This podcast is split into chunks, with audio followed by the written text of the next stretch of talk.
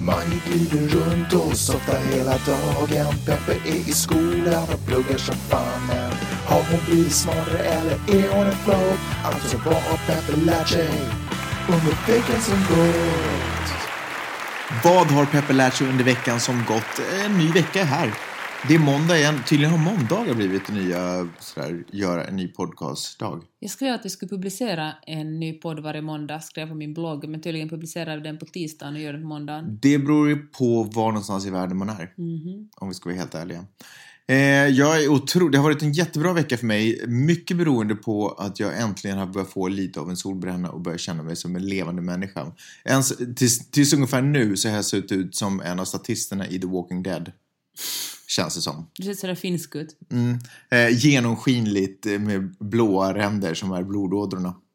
Det som har hänt i mitt liv är att jag har börjat blogga för Hufvudstadsbladet på Brev från Amerika, heter bloggen där.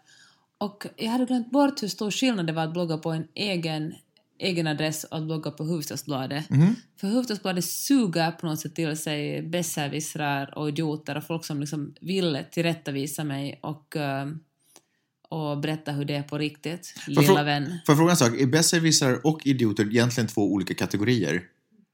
Jag tror det. Finns det liksom trevliga besserwissrar och finns det... Men kanske man kan vara en trevlig idiot. Och dumma Men- idioter ja, finns i och för sig. Ja.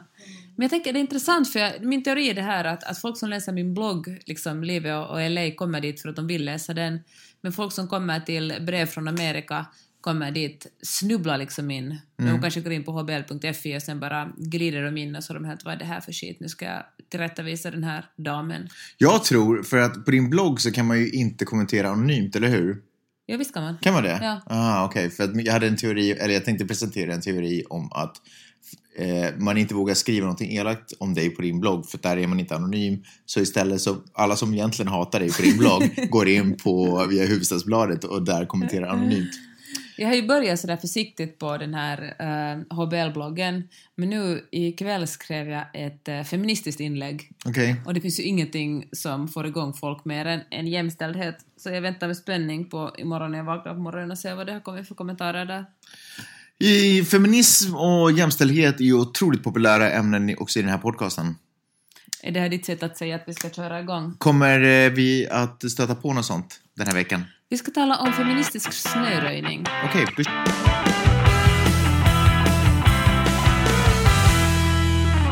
Du vet att man kan köpa free range uh, hönsägg? Eh, ja, Det finns någonting som heter... man kan också köpa free range höns. Kan man? Alltså vissa äger ju hönor. Man bara köper hönor och har dem Vars- och går fria på sin terrass. Exakt. Det tänkte jag att vi skulle ha här va? Ja, eller jag hade en liten dröm om att eh, vi skulle... Jag har kollat ganska mycket på sådana... Förlåt, men jag ska i alla fall säga det här. Att jag kollar ganska mycket på sån här prepper... Det finns en prepper-tv-serie, jag kommer inte ihåg vad den heter. Preppers säkert, eller något sånt. Eh, och då handlar det ju väldigt mycket om att ligga under the grid. Sådär att inte vara en del av... Eh, eh, använda, du vet, inte betala räkningar egentligen, utan att vara helt självförsörjande. Eh, och då är det naturligtvis otroligt populärt att ha höns och grisar och alltihopa, för höns är ju ägg och då får man proteiner. Skulle inte det- vara bättre med en ko än en gris? Ja, men ko är ju... Eh, det är svårt att vara under the Ah, grid att och är- den osynlig. är- Jaha, ska man vara osynlig också? Nej, men du vet, alltså, sådär, man ska ju inte bli upptäckt och... Ah. Alltså, man vill ju inte att någon... Ja, förstår du vad jag menar? Att om man har en ko på sin gård och det går förbi folk så fattar ju de att någon bor där. Men hönor är ändå lite sådär, det kan man gömma ett litet skjul någonstans. Att det är inte sådär... Men en gris då? Ja, men grisar brukar folk också... Eller ha... Men vad gör man annat än slaktar dem då? Nej, men alltså grisar. Ja. Eh, Grisar så använder de bland annat deras avföring så använder de till att göra, nu måste jag tänka, är det... Eh, är det, ja, nej men gas, just det, så de kan ha gasspisen. Alltid vill föra in diskussionen på avföring. Så att de, nej men gasspis, eh, de kan nog driva sin gasspis med, med, pig, med pig manure. Okej, tack för det. Anyway, det var inte allt jag skulle tala Nej, om. frigående, vad Jag snackar du ska om? tala om Frigående free ägg? range Nej. kids. Jaha, frigående barn? Ja. Okej. Jag läste en text om en, ett par föräldrar som Det låter hade sjukt blivit miljövänligt faktiskt. arresterade för att deras eh, tioåring och sexåring hade en mile att gå mellan skolan och sitt hem. Och de fick gå själva. Föräldrarna hade lärt upp dem att gå själva mellan skolan och hemmet. Ja. Och eh, det här ledde till att polisen skickade först socialen på den här familjen och sen kom de själva och, eh, och, och, och faktiskt uh, anhöll, jag tror inte de fick något, de fick väl böter, de, fick, de hamnade liksom inte i fängelse. Frun vita, det är bara svarta som håller i fängelse i det här landet. Men, eh, men i alla fall, så skrev, jag tror att det är The Washington Post som skrev en grej om det här. Och då förklarar de här föräldrarna att de tycker det är helt vansinnigt att, att USA är faktiskt säkrare än någonsin nu. Mm. Det, det är inte så mycket det att, att, liksom, att ens barn skulle bli kidnappat. Eh, risken är jätte, jätteliten. Det som är farligt är traf naturligtvis trafiken, men då, resonerar de så här att de har lärt sina barn hur man ska röra sig i trafiken och tioåringen gick alltid med den sexåringen, det var inte som den sexåringen som gått ensam. Ja. Så de tyckte att de liksom gjorde sina barn en En tjänst. tioåring är ganska stor Ja, ändå. En tioåring kan ju ta sig. Men också hade de Jag gick till och från skolan när jag var... Jag måste ha varit under tio i alla fall. Gick själv till Jag och från skulle skolan. inte ha gått till USA. Men i alla fall så har de en, en sån här lapp på sig där det står att de är free range kids. Ja, Att uh, we're not lost, we're free range kids. okej. Så de alltid har på sig de går. Men i alla fall, det är ett brott att om man är under 13 att gå ensam på stan. I alla stater eller Nu vet jag åtminstone i den här i staten. Washington? Ja, Eller vad var det? Washington Ja. DC. Okej, men, men vad underligt att polisen skickade socialen först. Att om polisen tyckte att det var olagligt, att de inte bara grep in. Kanske det är så man gör, jag vet inte riktigt. Men tycker du inte att det alltså, jag, jag vet inte om byråkratin här är det intressantaste. Jag tycker det intressantaste är att eh, jag tycker bara det är spännande att USA marknadsför sig själv med att vara the land of the free, där alla får göra som de vill. Men så finns det ändå en massa jättestrikta regler, både moraliskt och, eh, och helt eh, liksom juridiskt sett. Ja. Och så tycker jag tänk att, som du sa, att, att när du, du var säkert att jag tror att de flesta finska barn har gått hem när de har varit yngre än tio år. Man talar väl på 70 och 80-talet om nyckelbarn, när föräldrarna började jobba, eller liksom, när mammorna också började jobba och barnen började skolan så fick de en, hade man nyckeln, jag tycker att många av mina klasskamrater hade nyckeln runt halsen, hemnyckeln. Och så En av de hem. populäraste nyckelkedjorna, får jag måste bara flika in med, var eh, under slutet på 70-talet de här som såg ut som telefonsladd. Mm. Som kom i olika färger, neon. Hade ni dem i Finland också? Vi hade, vi hade, de kom först på 80-talet i Ah, Finland. Okej, ja just det. Samtidigt med Twisted Sister, eller? Skönt. Men i alla fall, alltså, och då tänker jag på en kompis till mig här i, eh, i Santa Monica som också är från Finland och hon är så supernojig över vad hon får göra, vad man får göra och inte får göra. Så det är typ, vågar man ens hjälpa ett barn som tappar sin väska på gatan? För tänk om, om polisen kommer och slänger henne i fängelse för att det är Arresterad förbjudet. för pedofili, typ. Ja men typ. Det är... Ja, på så sätt är det tydligt att det är en annan kultur vi lever i. Och det finns alltså då uppenbarligen någon slags motståndsrörelse och det är de som har free range kids, så det var inte bara det enstaka, Alltså motståndsrörelse till vad då? till det här uh, överbeskyddande av barnen. Mm. Det som man, man kallar det eh, helicopter parenting, för att, man, för att föräldrar liksom hänger över föräldrarna, hoovering över, föräld, över barnen liksom, och, och skyddar varje steg de tar. Och det som vi talar, kallar kanske curlingföräldrar i, i Norden. Mm. Men mot, motsatsen till liksom hel, helikopterföräldrar är då free range kids Är det föräldrar. helikopter eller hover, hover, eller hover? Hur fan säger man? Hovering. Ja, hovering parents, eller? Jag tycker jag hör något sånt uttryck. Ja, skitsamma. Ja. Ja. Men i alla fall så det finns, alltså det finns kanske nu folk, vet du, föräldrar som går upp på barrikaderna och sådär. Våra barn ska gå ensamma hemma från skolan. Okej. Vet du, screw the system! Är det, är det en stor rörelse? För om jag, säger, om jag är helt ärlig så har jag inte sett jättemånga plakat för det på vägen mellan oss och eh, The Roosevelt School. Kanske det bara inte stort i Santa Monica. Nej, kanske det är en UG, UG-rörelse som bara Kanske det finns på Facebook. i typ eh, Portland. Just det. Ja. Ja, det var Okej. det jag ville säga. Men, men nu, vänta nu här, nu börjar jag fundera förresten på det här med skol. Alltså, är det verkligen ovanligt att barn tar sig hem själva? För det finns ju skolbussar. Så det måste, och där, dit går väl barnen upp och så, och så åker de. Och Men jag tror att det är någon som eskorterar dem till bussen och så måste vara någon och möta dem vid bussen. Ah, okej. Just det. Ah, ja, skitsamma. Det är om amerikanska skolbarns problem. Fast i den här delen av stan så då kör ju alla mammor sina barn i de jättestora SUVs och lämnar dem vid skolan. Mm, givetvis.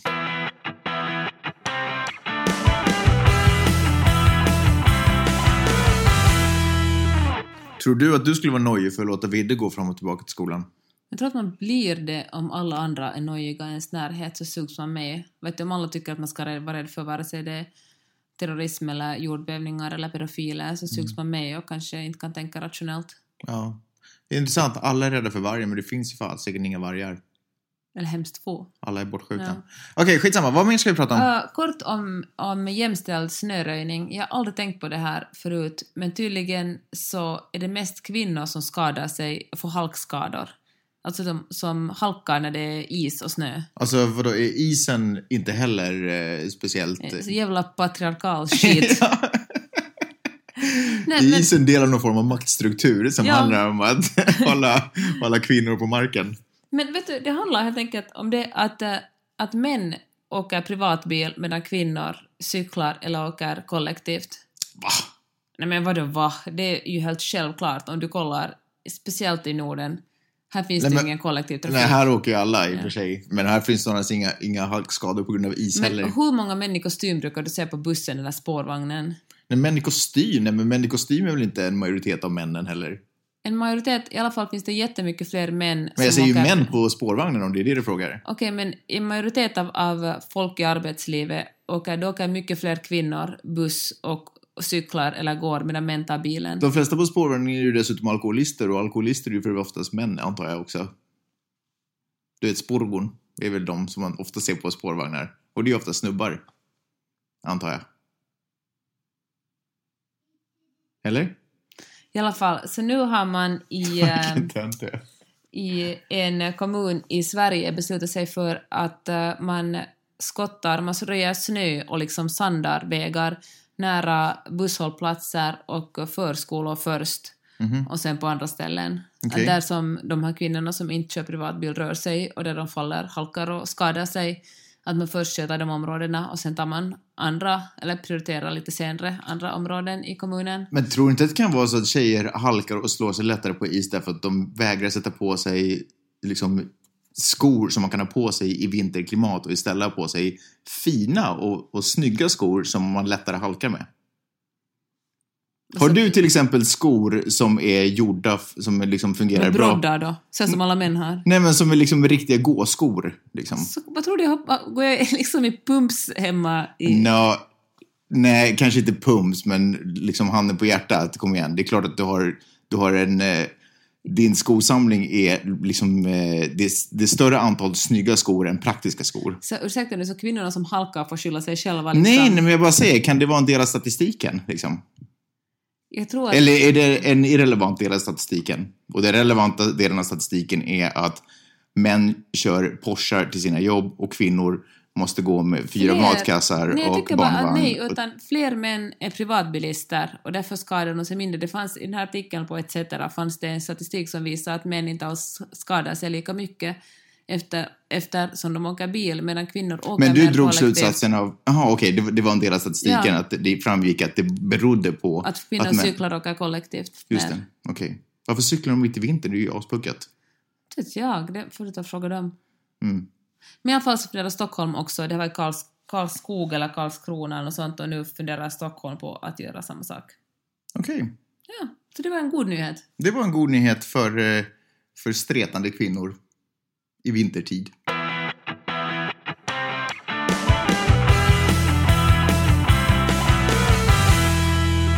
Kvinnor annars också mest inblandade i liksom fotgängarolyckor eller råkar det bara vara sån här vintertidsstatistik?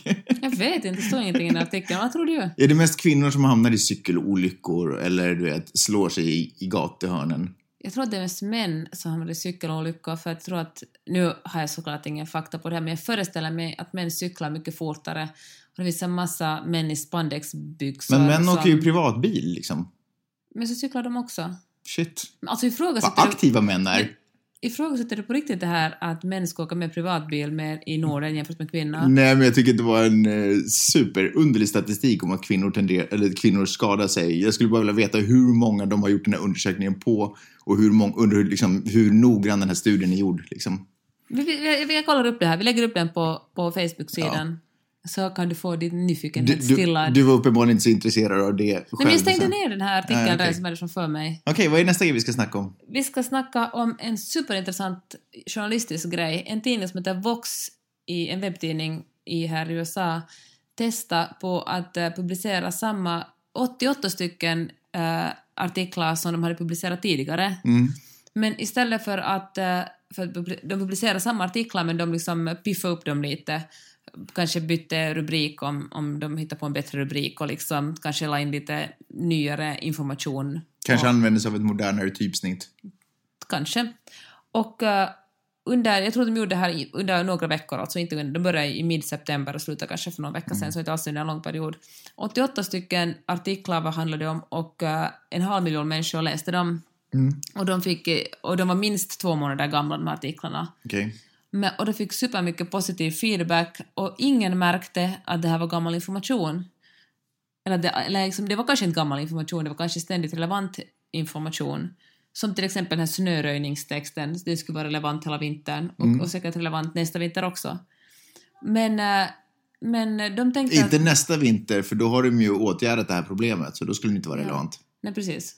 Men kanske den här vintern. Ja, innan- den här vintern.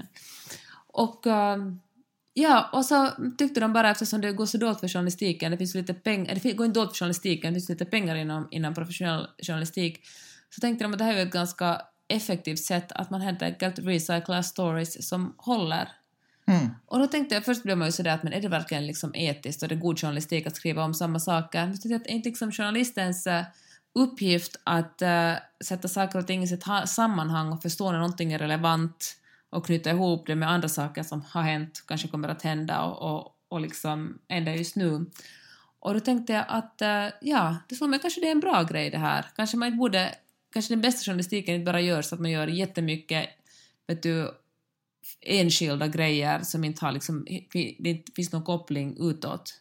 Mm. Utan man istället, nu menar jag inte att vi bara ska recycla grejer, men jag tycker att det var kanske inte en Fast så varför inte? idé. På Tumblr finns till exempel funktionen repost. Om man tycker att man har skrivit någonting, inte fått tillräckligt med eh, mycket likes eller vad det nu kan vara man söker. Så kan man låta det gå ett tag så kan man reposta den i hopp om att den ska sitta bättre i tiden då. Ja.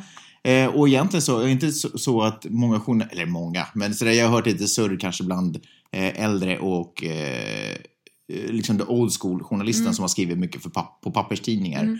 Att den här nya tekniken, att det är lite frustrerande för att när det är skrivet på papper så det känns som att det finns, det är dokumenterat och det är evigt, arkiveras och du vet allt sånt här.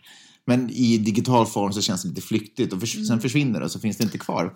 Och kanske det här på något sätt skulle vara då att få lite mer, känna att det man har skrivit har ett längre värde. Ja, ja, det är sant.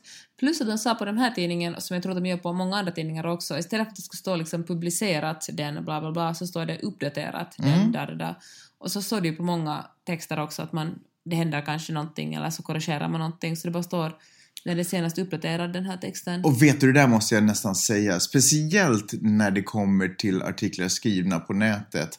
Och eh, så där känner jag, har jag känt ett större, större, mycket, mycket större behov av att veta liksom, uppdateringsfasen på de där artiklarna. Att, det vill säga, har de uppdaterats, uppdaterats, när gjorde de det och av vem? Om till exempel den som har uppdaterat är en annan än den som har skrivit artikeln så känner jag ett behov av att veta det. Jag känner ett mycket större liksom, intresse för det än eh, till exempel i en tidning. Och jag tror att det beror på att den här artikeln kan jag snubbla över liksom ett år senare för att jag sökte på någonting och så kom artikeln upp som ett svar på liksom någon sökmotor. Och då känns det mycket viktigare för mig att veta eh, ja, liksom hur uppdaterad den, liksom var någonstans i datumet det här ligger. Så du ger tummen upp för den här boxtidningen? Ja. Eller ja, för, för, för, eh, för att de Recycling of art, eller recycling of evergreen articles. Men sen så tycker jag också, nu vet inte jag hur många av de där läsarna som läste de där artiklarna som ens noterade att... äh, Ingen det, hade noterat, de fick i alla fall ingen feedback på att någon av de här människorna ska notera att det var Och gamla texter. det tycker jag också är superintressant för det visar ju också lite hur folk läser artiklar, det vill säga hur folk inte läser artiklar utan folk bara Ja. Tittar på artiklar på något sätt. Det känner jag ofta. Jag läser ganska många artiklar varje dag och jag kommer ihåg kanske 5% av vad jag läst. Ja. Och då måste jag säga att det är ännu värre för mig för jag läser ganska få och inte ens de kommer jag ihåg.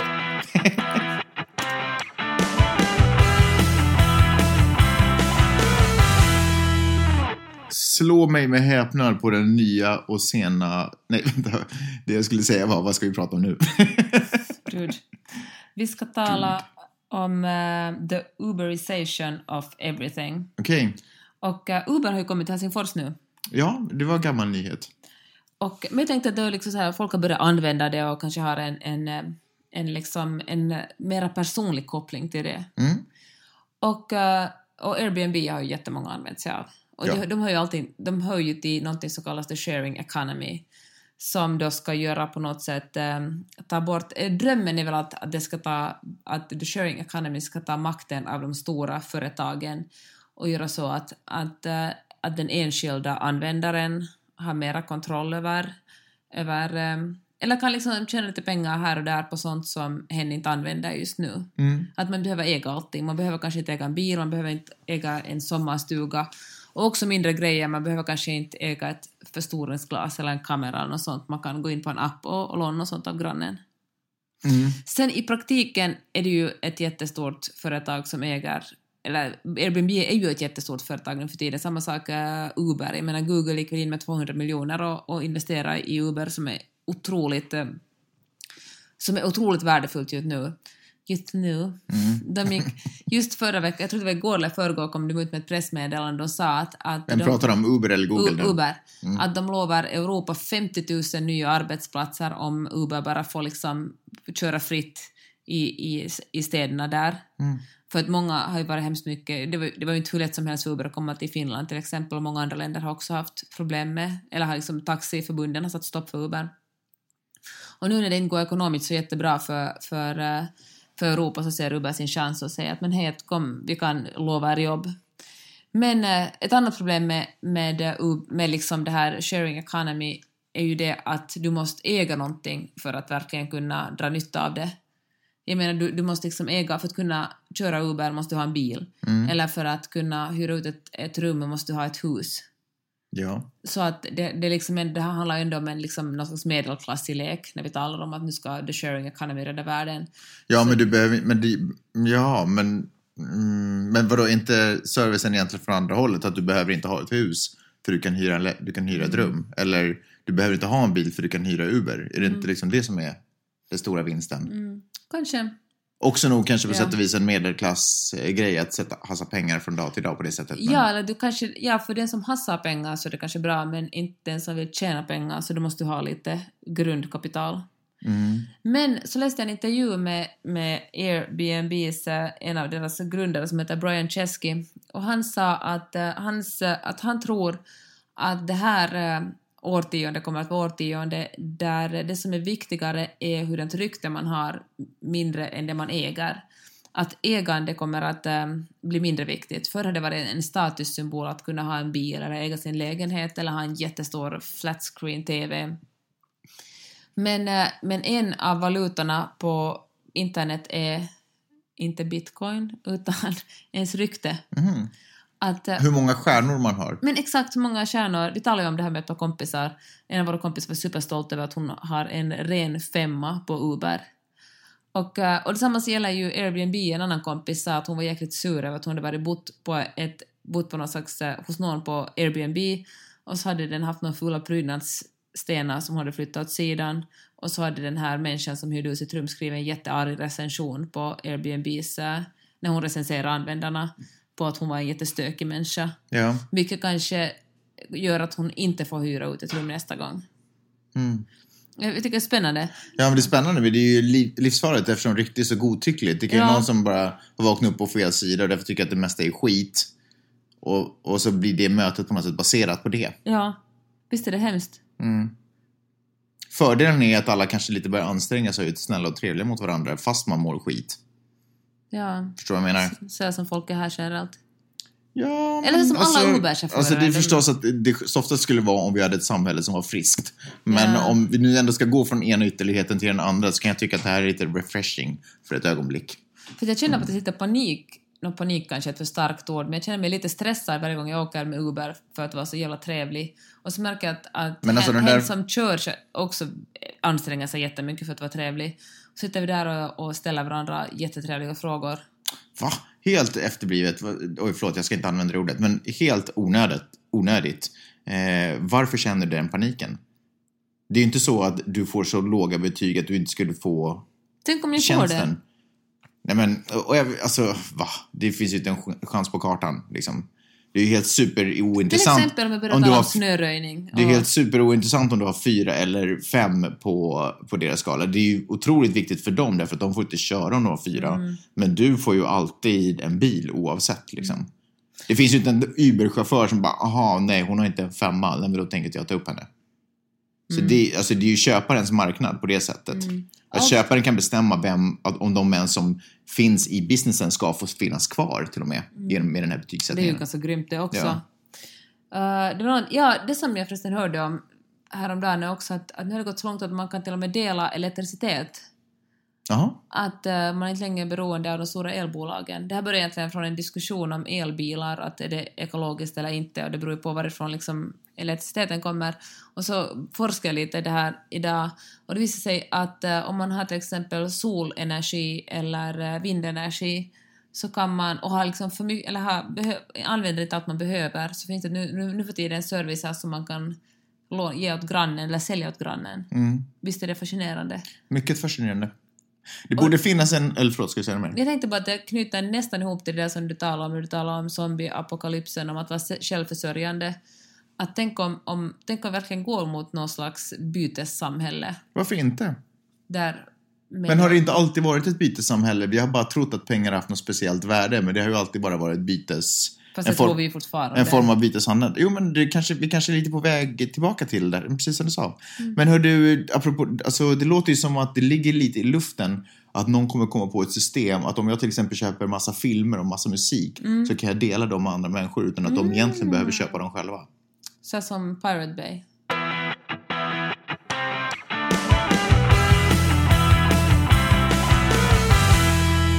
Jag tror att det var allt vi hade bjuda på den här veckan.